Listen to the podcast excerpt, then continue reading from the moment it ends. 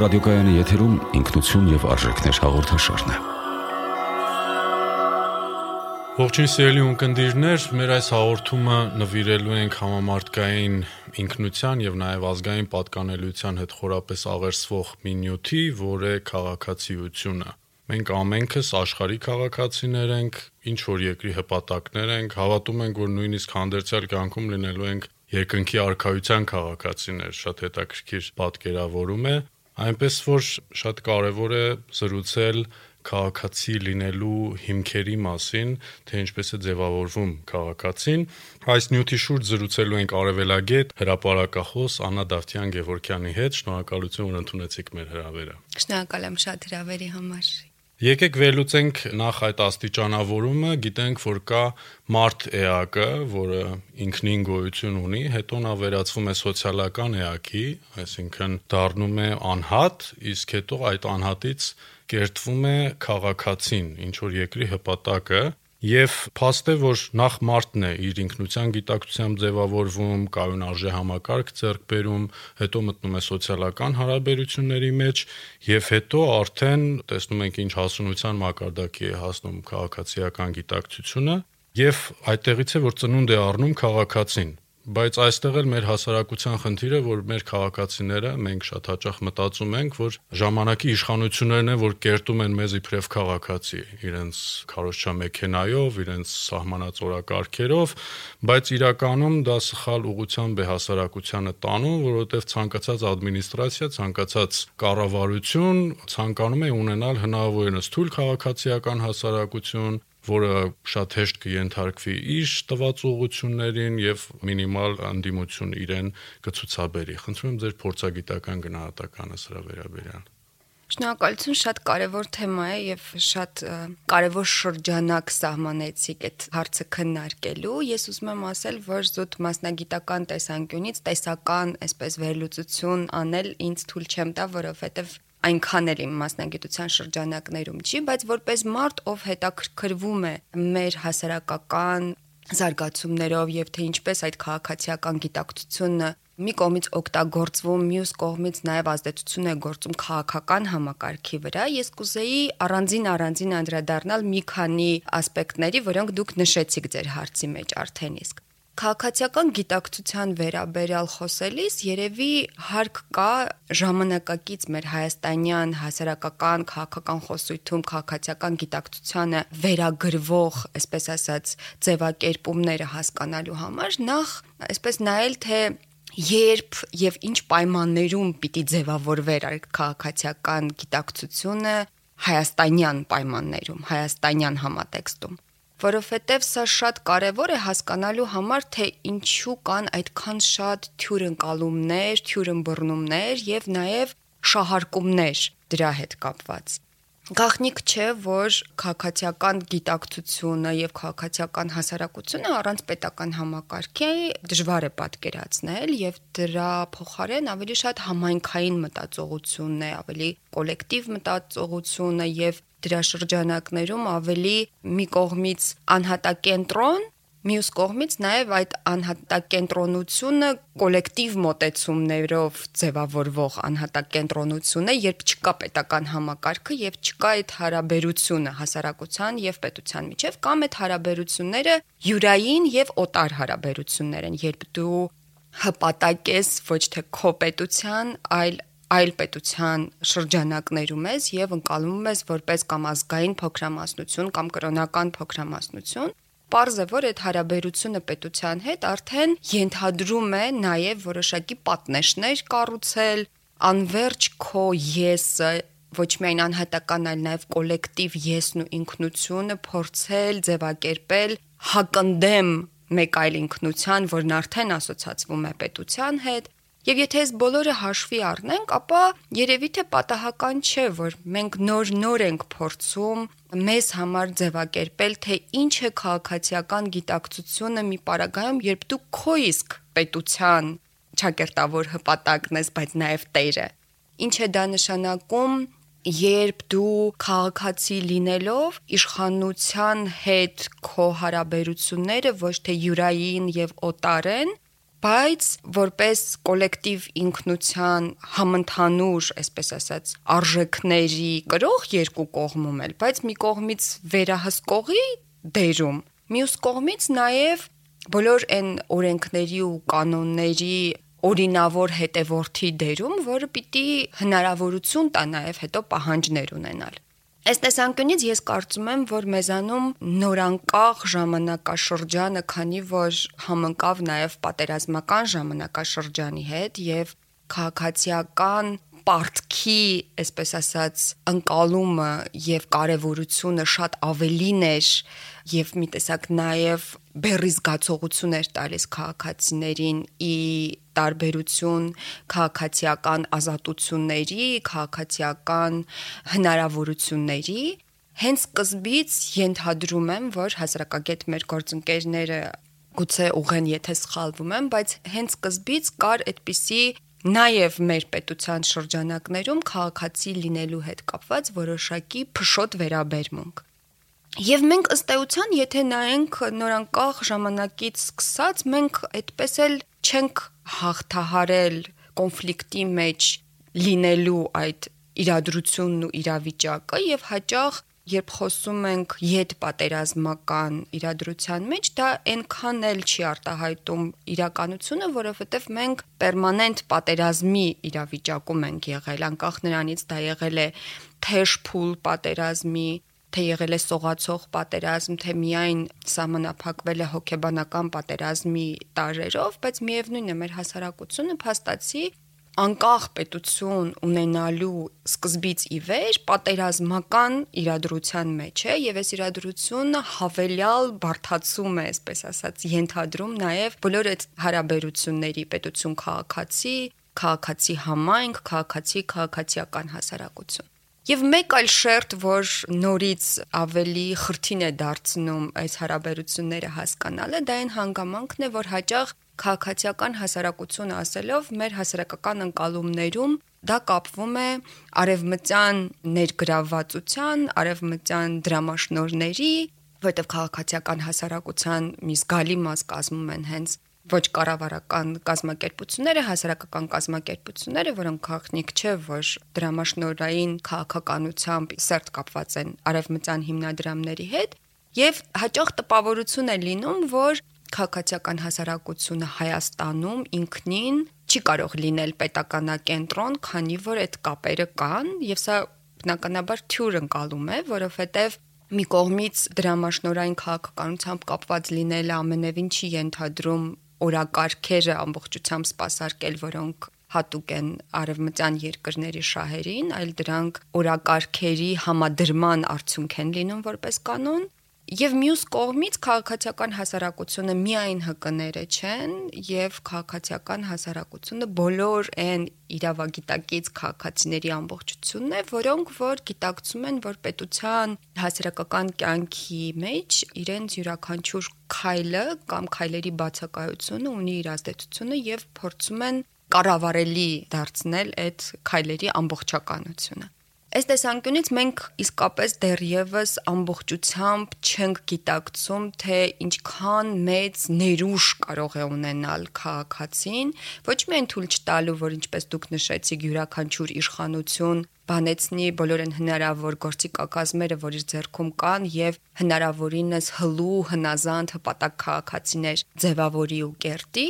բայց նաև հակառակ ուղությամբ, թե ինչքան կարևոր է, երբ քաղաքացիական այդ գիտակցության Բերումով քաղաքացիներն իրենք կարողանում են ազդեցություն ունենալ քաղաքական դաշտի վրա եւ հնարավորինս ավելի իրենց շահերը սпасարկող իշխանություն ունենալ եւ թույլ չտալ, որ կան մարդիկ իշխանության, որոնք որ այդ շահերին դեմ կլինեն, այդ օրակարգերին դեմ կլինեն, իսկ գալու դեպքում էլ իրենք կզգան, որ հողն իրենց ոտքերի տակ այնքան էլ ամուր չէ եւ ստիպված կլինեն փոփոխություններ մտցնել իրենց մտածումներում այս առումով լիովին համամիտ եմ ձեզ հետ, որ դա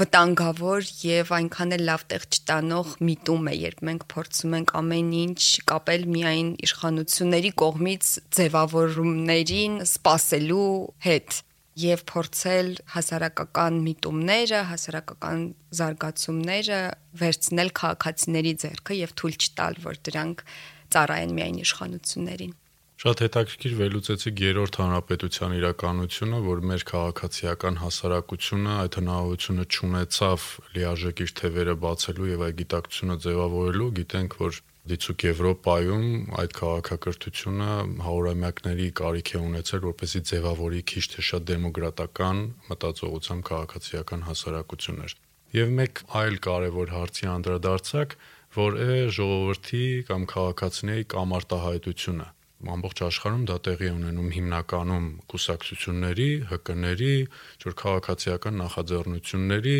դե մնացած արդեն միտինգներ, ցույցեր, ինչ որ ակտիվ շարժումներ Եվ չնայած որ նույնիսկ ամենադեմոկրատական համարվող երկրներում միևնույն է այդ կուսակցությունները իրենց սեփական նեղ շահերն են հետապնդում, դա այդքան էլ ժողովրդավարական process չէ, բայց խոշոր հաշվով կարելի ասել, որ շատ երկրներում եվրոպական եւ արևմտյան այդ կուսակցությունները, այդ կառույցները իրենց դերը կատարում են։ Իսկ դառնալով մեր հայաստանյան իրականությանը կարծում եմ ամենքի այդ սրտի մաղձը մենք հիմա կարտահայտենք, որ շատ հաճախ մենք էլ եւ ընտրությունների ժամանակ եւ անգամ այդ քաղաքական պայքարների մեջ նկատում ենք, որ Հայաստանում գոյություն են տասնյակ կուսակցություններ, որոնք ակտիվանում են հատկապես նախընտրական շրջանում եւ շատ քաղաքացիներ կարող են միշտ ցանկացած ժամանակ ասել, որ չեն տեսնում այնպիսի մի ուժ կամ այնպիսի մի առաջնորդի, որին կարող էին հետևել կամ գոնե կողքին կանգնել, երբ իրենց կամքն են ուզում արտահայտել։ Ուրեմն այս մոլորվածության պայմաններում ճիշտ է շատ դժվար հարց է եւ պետք է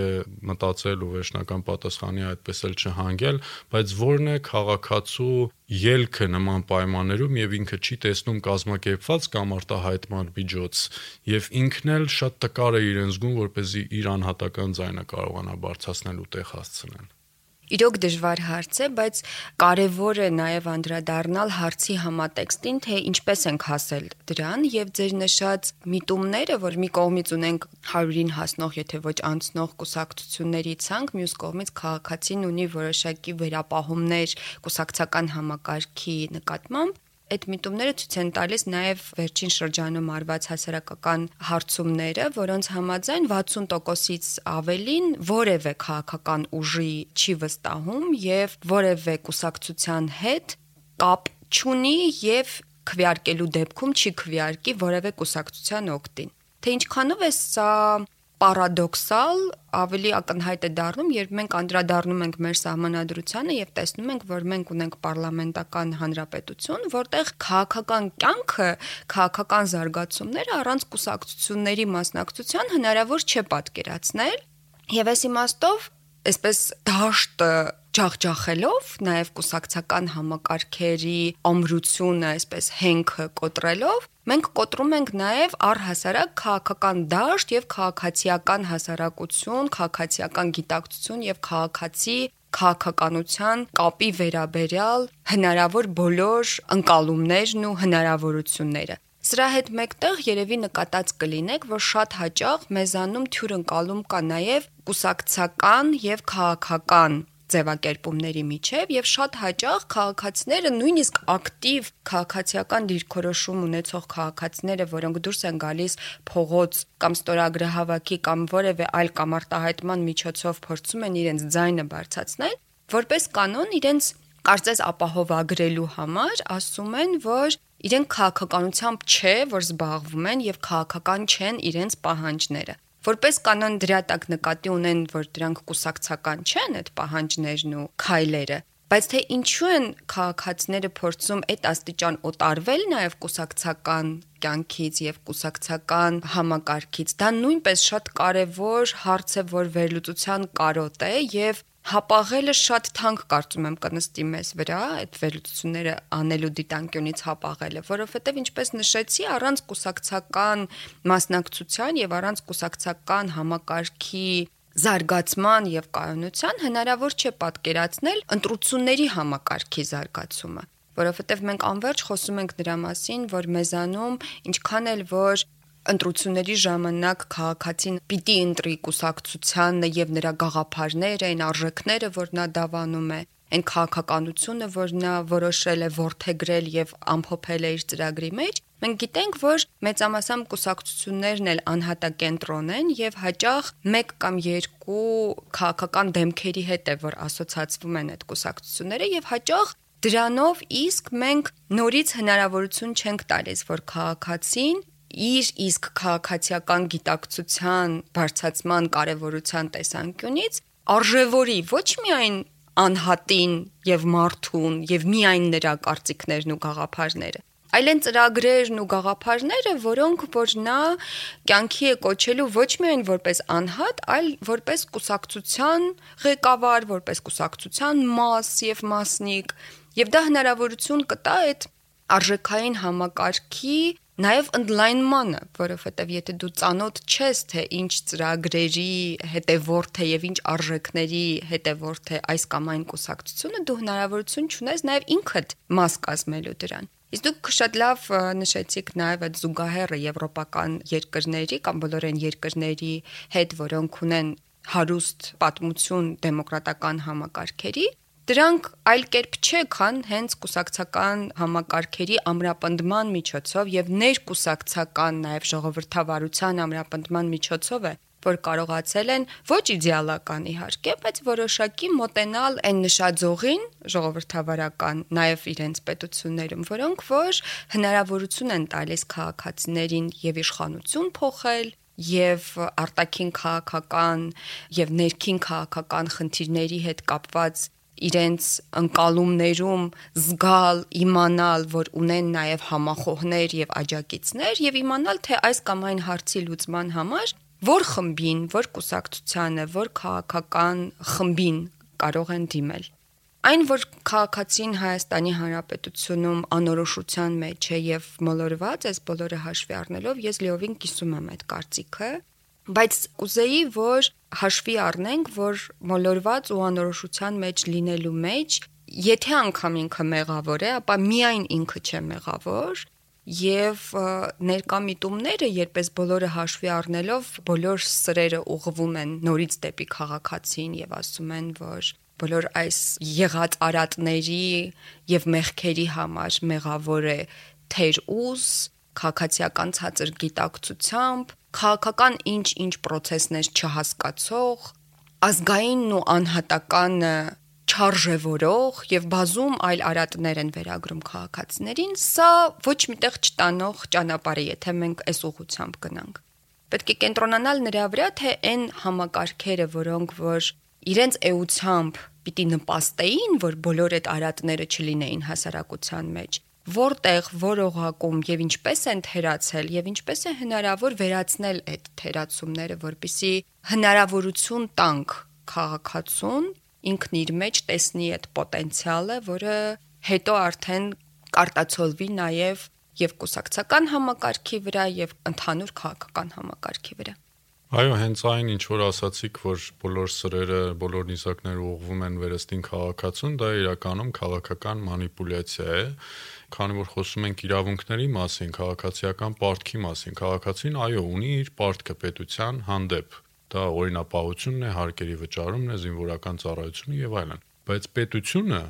իշխանությունը, ադմինիստրացիան նաև ունի իր ստանձնած պարտավորությունները։ Դիցուկ պետության պաշտպանության ապահովում ներքին շուկայի, կրթության եւ այլն մնացած բոլոր պետական ատրիբուտները եւ պետության սխալների կամ սխալ քաղաքականության հետևանքների հաղթահարման համար պետությունը որպեսզի սքողի այդ վիճակը ասում է, որ այդ ամենը չի հաջողվել, որովհետև դուք ինքներդ որպես քաղաքացիներ չեք կատարել ձեր ամբողջական պարտավորությունները, ասենք դիցուկ խրամատ չեք փորել, սահման չեք գնացել, բայց դա իրականում պետական գործառույթ է։ Մենք ընտրում ենք դեմոկրատական ճանապարհով իշխանություններ, որ เป զի դա հնուց ի վեր հազարամյակներից ի վեր եկող կարիքներ, որ անհատը կամ խումբը չի կարող նման գործառույթներ իրականացնել, դրա համար ընտրում է վերազգային ազգի վերևում ազգին ղեկավարող ինչ որ մի մարմին եւ այդ պատճառով հենց այդ մանիպուլյացիան է որ շատ ժամանակ շեղում է հասարակության ուշադրությունը այդ պատճառների բացահայտման հարցում Եվ այդ մանիպուլյացիան հաճախ շատ վտանգավոր նորից շրջապտույտի մեջ է մտնում եւ գալիս հանգում ենք մի կետի, որտեղ ինքնախարազանման գեր դոզավորում ենք ունենում, որովհետև ստացվում է, որ երբ իշխանությունը որպես պետության խոսնակ պետության անունից ասում է, որ իր թերացումների համար մեղավոր է քաղաքացին, պաշտպանական համակարգը թերացել է, որովհետև քաղաքացին բավարար քաչ չի օրինակ կամ բավարար ջանք չի ներդրել ձեր նշած գործողությունները կատարելու, միաժամանակ օրինակ ինքը չի համակարգում իր պարտավորություններ համակարգել այդ բոլորը եւ միաժամանակ նաեւ բավարար ներդրումներ չի անում համակարգը բարեփոխելու եւ վերջին ցավալի լուրերը հիշատակելով օրինակ շտապօգնության զրահապատ մեքենա ունենալու, որպեսի զոհեր չունենանք նաև մեքենայի զրահապատ չլինելու պատճառով, եւ նորից հետո ամեն ինչ վերագրում է քաղաքացու թերություններին Այստեղ մենք ունենում ենք նաև կոլեկտիվ ինքնախարազանման դրսևորումներ, երբ ասում ենք, որ այ մյուս հասարակությունները, մյուս պետությունները հաջողել են, որովհետև այնտեղ քաղաքացիները օրինապահ են, քաղաքացիները արժևորում ու կարևորում են պաշտպանության համակարգում մասնակցությունը, առողջապահական համակարգում շատ ավելի օրինապահ են այդ պատճառով բժշկությունն է ավելի լավը եւ այդպես բոլոր բնագավառները, կրթության համակարգը, մյուսները Այո, իրոք շատ դժվար է այդ մեղավորության զգացումը չունենալ, երբ պետությունը, իշխանությունները նման մանիպուլյացիաներ են կատարում, նույնիսկ բարեխիղճ իր տեղում, իր դերում գտնվող քաղաքացին, իր ամենօրյա աշխատանքը պարտաճանաչ կատարող քաղաքացին զգում է մեղավորություն, որ իրեն մեղադրում են դրան, որ ինքը ամեն հնարավորը չի արել որպես քաղաքացի։ Իսկապես, եւ դա ամենօրյա ռեժիմով բոլոր ոլորտներում, սկսած այն պահից, երբ դուրս ես գալիս փողոց եւ փողոցում բավարար մաքրած չի փողոցը, վերջացրած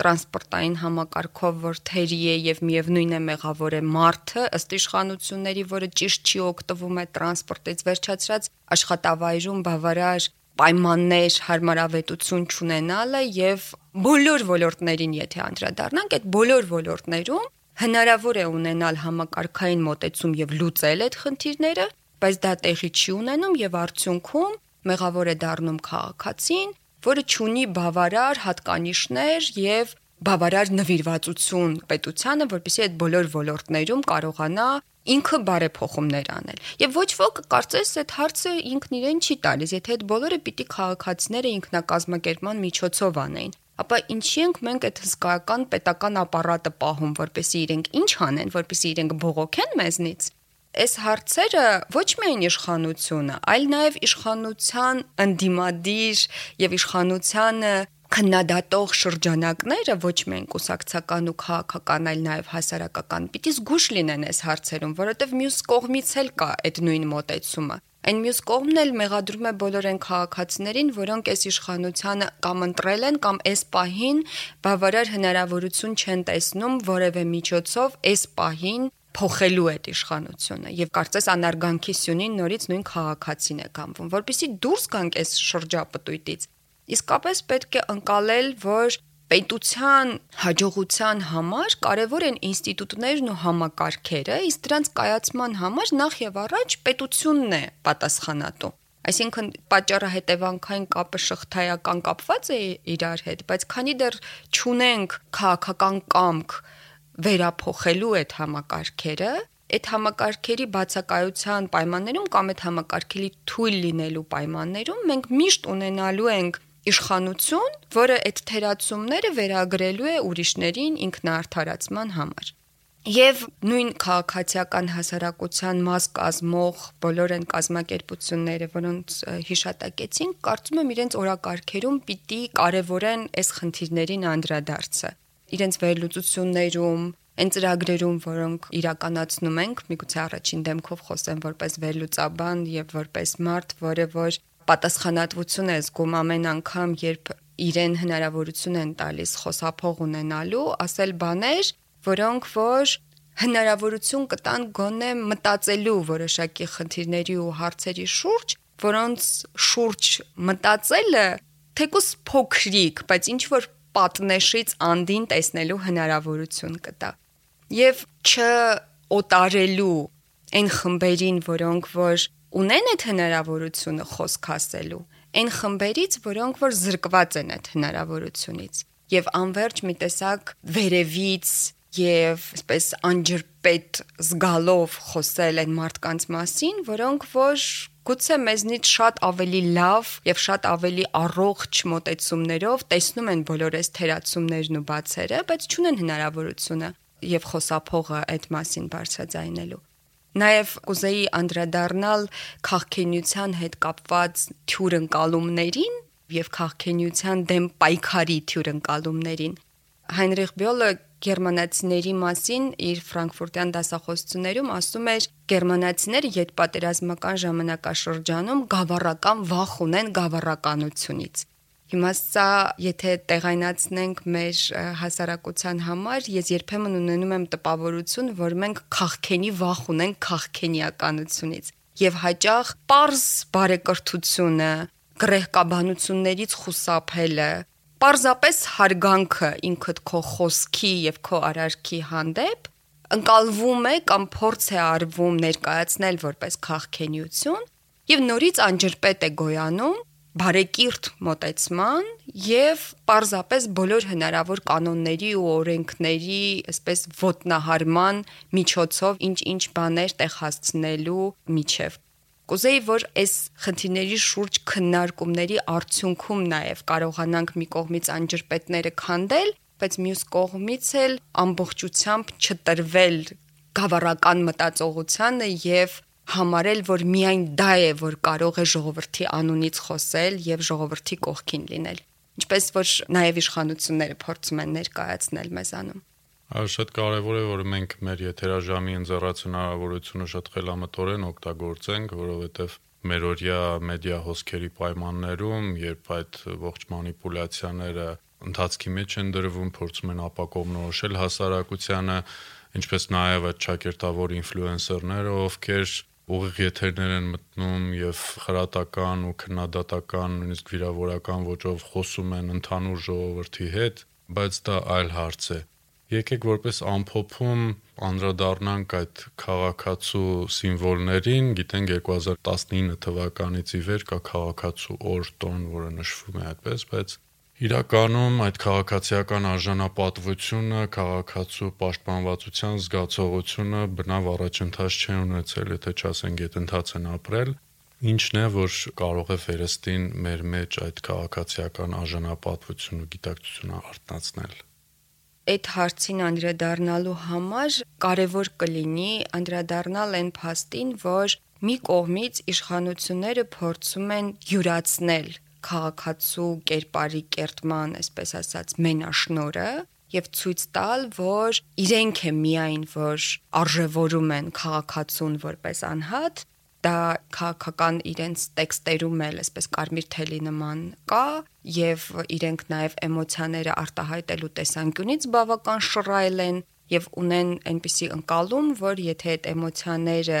արտահայտվում են եւ քաղաքացու հանդեպ հարգանքը ոչ թե որպես նպատակ են սահմանում, այլ պարզապես խոսքերով արտահայտելու միջոցով փորձում են ցույց տալ, թե այդպիսի նպատակներ ունեցել են կամ ունեն, Մյուս կողմից այն հանգամանքը, որ 2018 թվականին քաղաքացիական փաստորեն շատ լայն եւ ակտիվ մասնակցությամբ տեղի ունեցան իրադարձություններ, որոնք կարելի է տարբեր կերպ կոչել, դա կլինի հեղափոխություն, իշխանապողություն, թե մեկ այլ կերպ, Այստեղ տեղի է ունենում այդ ծայրահեղական մոտեցումները։ Մի կողմից իշխանությունը այդ քաղաքացու օր սահմանելով եւ դա կապելով կոնկրետ այդ իրադարձությունների հետ, կարծես նպատակ ունի այդ մենաշնորը յուրացումը այդ կերպարի կերտման ամրագրել նաև այդ պիսով ինչը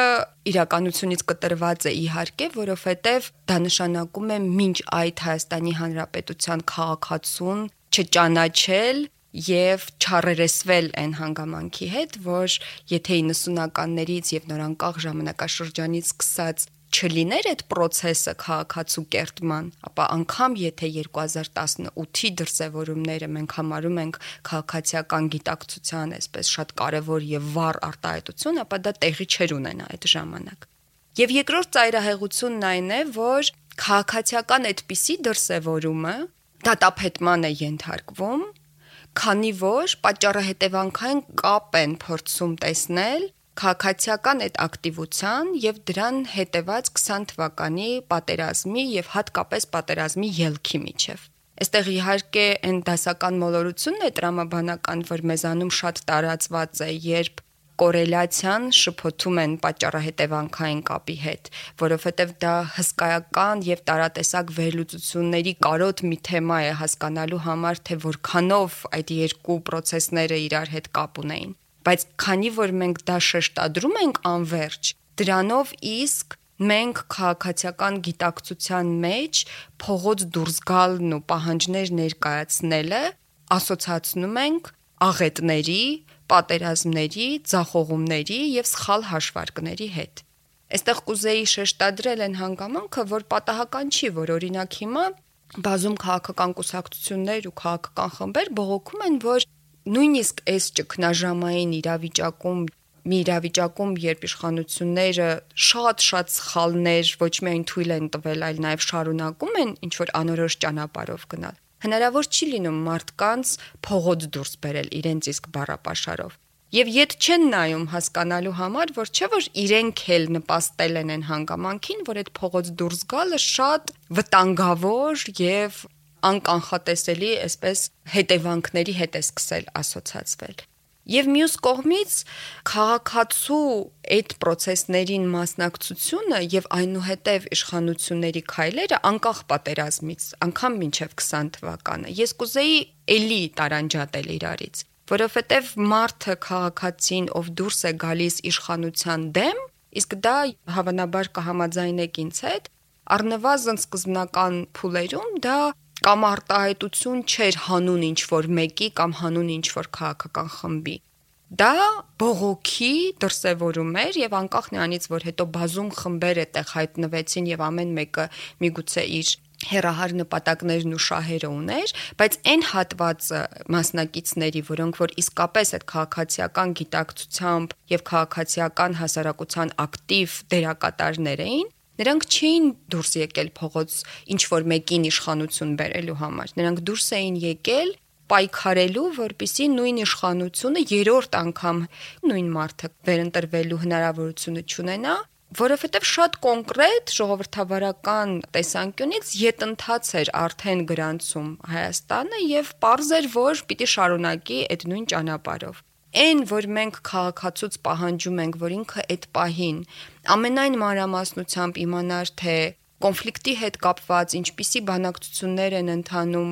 փակ դռների ետևում, ինչպիսի կուլիսային պայմանավորվածություններ կան եւ ինչպիսի զարգացումներ հնարավոր են աշխարհակաղակական իմաստով, Դա առնվազն անարդար է, որովհետև նույնիսկ քաղաքական դերակատարները նույնիսկ ռետրոսպեկտիվ մինչև վերջ չեն կարողանում բացատրել, թե ինչը ինչու տեղի ունեցավ եւ ինչպես կարելի էր դրանից խուսափել։ Ես ինքս եւ որպես վերլուծաբան եւ որպես մարդ, որը հետաքրքրվում է այդ խնդիրներով եւ հարցերով, փորձում եմ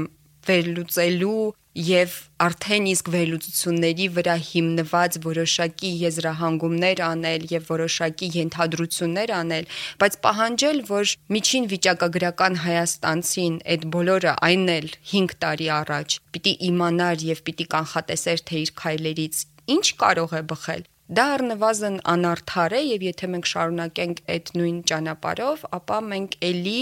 սխալ թիրախ ենք ընտրելու եւ փոխարեն քաղաքական դերակատարներից պահանջելու հնարավորինս աչալրջություն եւ նաեւ ազնվություն հասարակության հետ նորից այդ փակ շրջանի մեջ պայքարելու ենք այն ամենակենսունակ օղակի հետ, որի հետ եւ որի կամքից է կախված ժողովրդավարական ընկալումների եւ ժողովրդավարական համակարգերի զարգացումն առնվազն նրա հավատից եւ նվիրվածությունից է կախված թե ինչպես կարողանան այդ համակարգերը հետո արձագանքել նրա ցանկություններին, որտեվ եթե մենք ճնշենք քաղաքացու մեջ այդ ընկալումն ու ցանկությունը, որ ժողովրդավարական համակարգերը կարևոր են,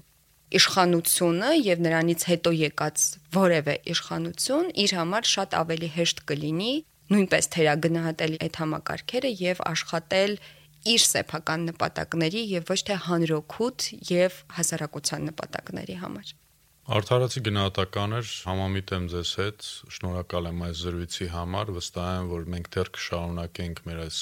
խոհերի շուրջ մտածել Եվ մեկ այլ բան, որ կարող ենք ամփոփում իբրև թողնել մեր ունկնդիրներին, որ կարևոր է քաղաքացիական հասուն գիտակցություն ձևավորելու համար հարստացնել մեր ինքնության եւ արժեքների համակարգը, մեր ինքնագիտակցությունը, մենք ինքներս մեզ պետք է կերտենք իբրև քաղաքացիներ, իսկ թե ինչպես դա անել, կարող եմ ձեզ իբրև հանձնարարելի գրականություն մի փոքր էսե կա, կոչվում է քաղաքացիական անհնազանդություն, Հենրի Դեյվիդ Թորո, հայերեն թարգմանություն ու գոյություն ունի, այնտեղ հեղինակը խոսում է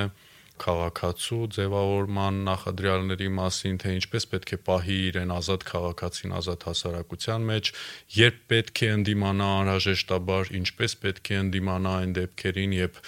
պետական մեքենայի օգտակար գործողության գործակիցը ձգտում է 0-ի, այս էսեն մեծ ազդեցություն է գործել դեմոկրատական եւ քաղաքացիական պայքարի առաջնորդների, այնպիսիք են Լև Տոլստոյը, Մահատմա Գանդին,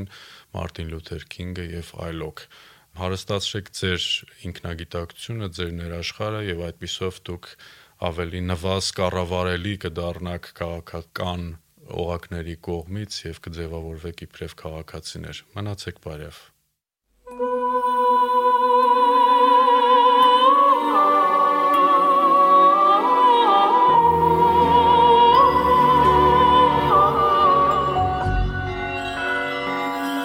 Վեմ ռադիոկայանի եթերում ինքնություն եւ արժեքներ հաղորդաշարներ։ Այն ձեզ ներկայացրեց Վարդան Սարգսակ Ասլանյանը։